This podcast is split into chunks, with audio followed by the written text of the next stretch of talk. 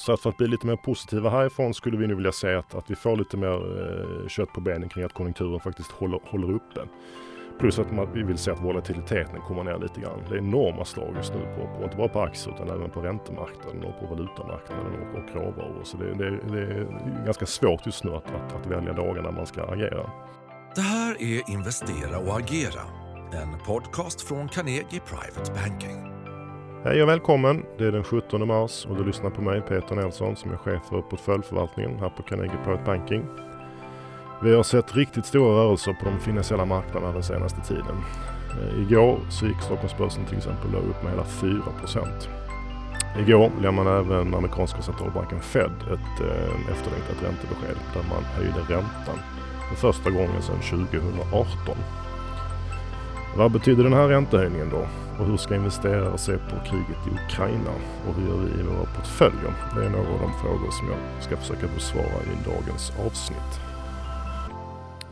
Om vi då börjar med Fed, den amerikanska centralbanken, så höjde de alltså då räntan, det var ju helt förväntat, med eh, 0,25 procent. Så det var väl ingen kioskvältare i sig. Samtidigt så signalerar de då ett behov av att eh, det kommer mer. Eh, man pratar om ytterligare sex, det är rätt många, sex räntehöjningar i år. Och ytterligare några även nästa år. Ehm, det tyder väl lite grann på att de faktiskt är lite senare på bollen här. De borde ha börjat med den här processen tidigare. Dessutom så pratar man om så kallat QT börjar snart. Quantitative tightening. Och det är att man bantar sin balansräkning. Man har ju hållit på med omfattande stödköp under flera år. Nu ska de då reverseras. Eh, den här typen av besked var ju det som skrämde slag på marknaden eh, i slutet på förra året eh, och även i vintras. Fick räntor gå upp ganska kraftigt och riskpremier gå upp ganska kraftigt. Igår faktiskt såg vi en positiv börs som svar på detta. Kanske lite förvånande. Vi tror väl att det nog mer hänger ihop med dels utvecklingen i Kina men också kanske spekulationer om, om positiva besked kring Ukraina snarare än att det var en reaktion på just Fed-beskedet. Och varför kommer då Fed med den här typen av besked? Jo, det handlar om inflation. Eh, det har ju varit eh, ganska länge nu så att vi har haft betydligt högre nivå på inflationen än vad vi är vana vid. Och där har ju dessutom förstärkts av, av kriget. Eh, där, där råvaror har fått ytterligare en skjuts uppåt. Men vi också ser rätt breda prisuppgångar. Det märker vi på många håll och kanter. Dels i bensinmackarna men även nu faktiskt i eh, livsmedelsbutikerna. Eh, samtidigt så då, så att högre inflation helt enkelt kräver att, att man börjar höja räntorna. Eh, samtidigt pratar Fed om stark konjunktur, vilket då är positivt. Eh, samtidigt som man då höjer räntorna. Eh, men, men, dessutom, men dessutom drar man faktiskt ner sin tillväxtprognos så det var kanske lite motsägelsefullt. Nu ska vi komma ihåg också att det, det, är inte bara Fed som håller på med de här sakerna. Eh, även den europeiska centralbanken ECB och den svenska riksbanken eh, har ju också pratat om eh, att det är dags att höja räntor och kanske ett behov av att tidigare lägga då, räntehöjningar. Så att generellt har vi en miljö då med, med, med ränteuppgång framför oss som det ser ut just nu och en betydligt stramare penningpolitik än vad vi är vana vid. Och det här betyder ju allt annat lika att marknaden, alltså börsen och de finansiella marknaderna generellt får just nu ingen hjälp från centralbankerna. Um, och det här är ju liksom ett tema som vi har pratat om ganska länge och som också fick oss att successivt dra ner risk i våra portföljer under förra året. Uh, och i vår, i vår senaste strategirapport som vi kallar för Utan skyddsnät så pratar vi ganska mycket om de här sakerna. Vi tycker helt generellt att det, det är en ökad risknivå i marknaden.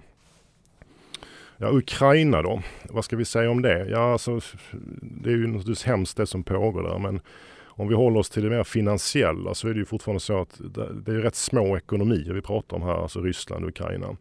Utan det är ju spridningseffekterna som är, som är av intresse här. Eh, dels att vi får någon, en förhöjd geopolitisk riskpremie och sen så det här med råvaror som jag pratade om tidigare. Och det är på flera håll och kanter som råvarorna kommer i spel. Vi pratar om gas, det är olja, det är även spannmål och en del metaller. Så att uppgångar på de här eh, råvarorna driver ju då inflationen uppåt. Dessutom kan vi få ytterligare mer av det här med leveransstörningar nu när det blir svårare att, att skeppa saker och det kanske är vissa produkter och komponenter som helt plötsligt saknas. Det var ett problem vi också hade tidigare men det kan då förstärkas av det här. Vi tycker att det är väldigt svårt att spekulera om det här kommer att spela ut, eh, alltså Ukraina-konflikten. Men det verkar ändå ganska osannolikt att Ryssland bara skulle backa här och att sanktionerna då skulle kunna försvinna i närtid. Utan det, det här lär ligga kvar ett, ett tag. Ehm, och därmed så tyder rätt mycket på att vi kommer ha en fortsatt press på, på råvaror.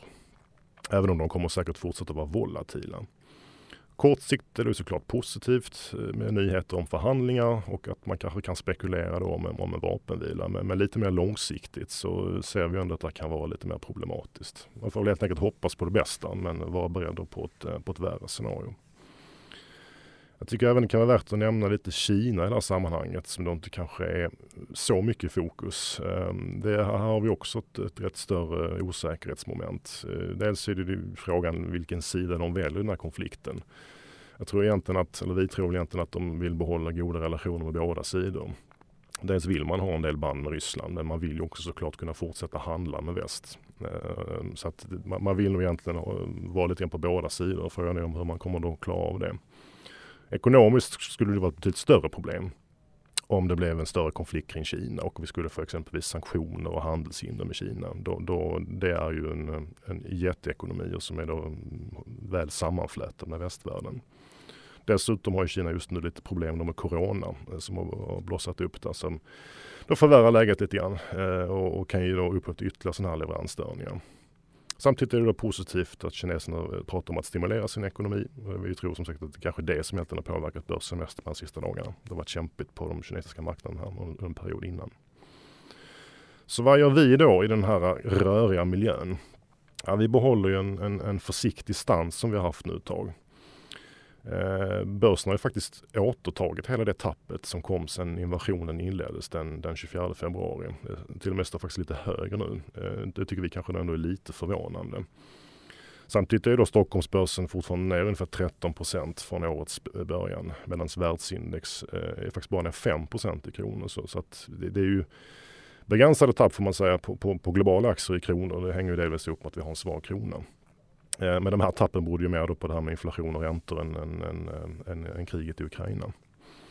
På kort sikt är det väl som så att då eh, utvecklingen i Ukraina kommer att styra och där kan det både bli bättre och, och sämre faktiskt. Svårt som sagt att säga om det.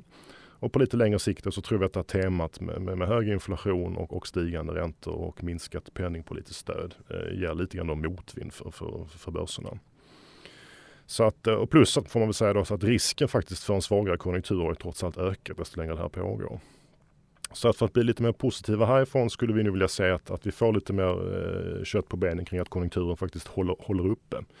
Plus att man, vi vill se att volatiliteten kommer ner lite grann. Det är enorma slag just nu på, på inte bara på aktier utan även på räntemarknaden och på valutamarknaden och, och råvaror. Så det, det, det, är ganska svårt just nu att, att, att välja dagar när man ska agera. Eh, så vi står kvar med en svag undervikt just nu på aktier. Eh, vi tycker att det är väldigt bra med diversifiering då, inte minst mot utländska aktier. Som sagt har det klarat sig betydligt bättre än svenska börsen här i år än så länge. Ehm, och vad gäller sen aktier tycker vi att man absolut föredrar just nu för kvalitetsbolag.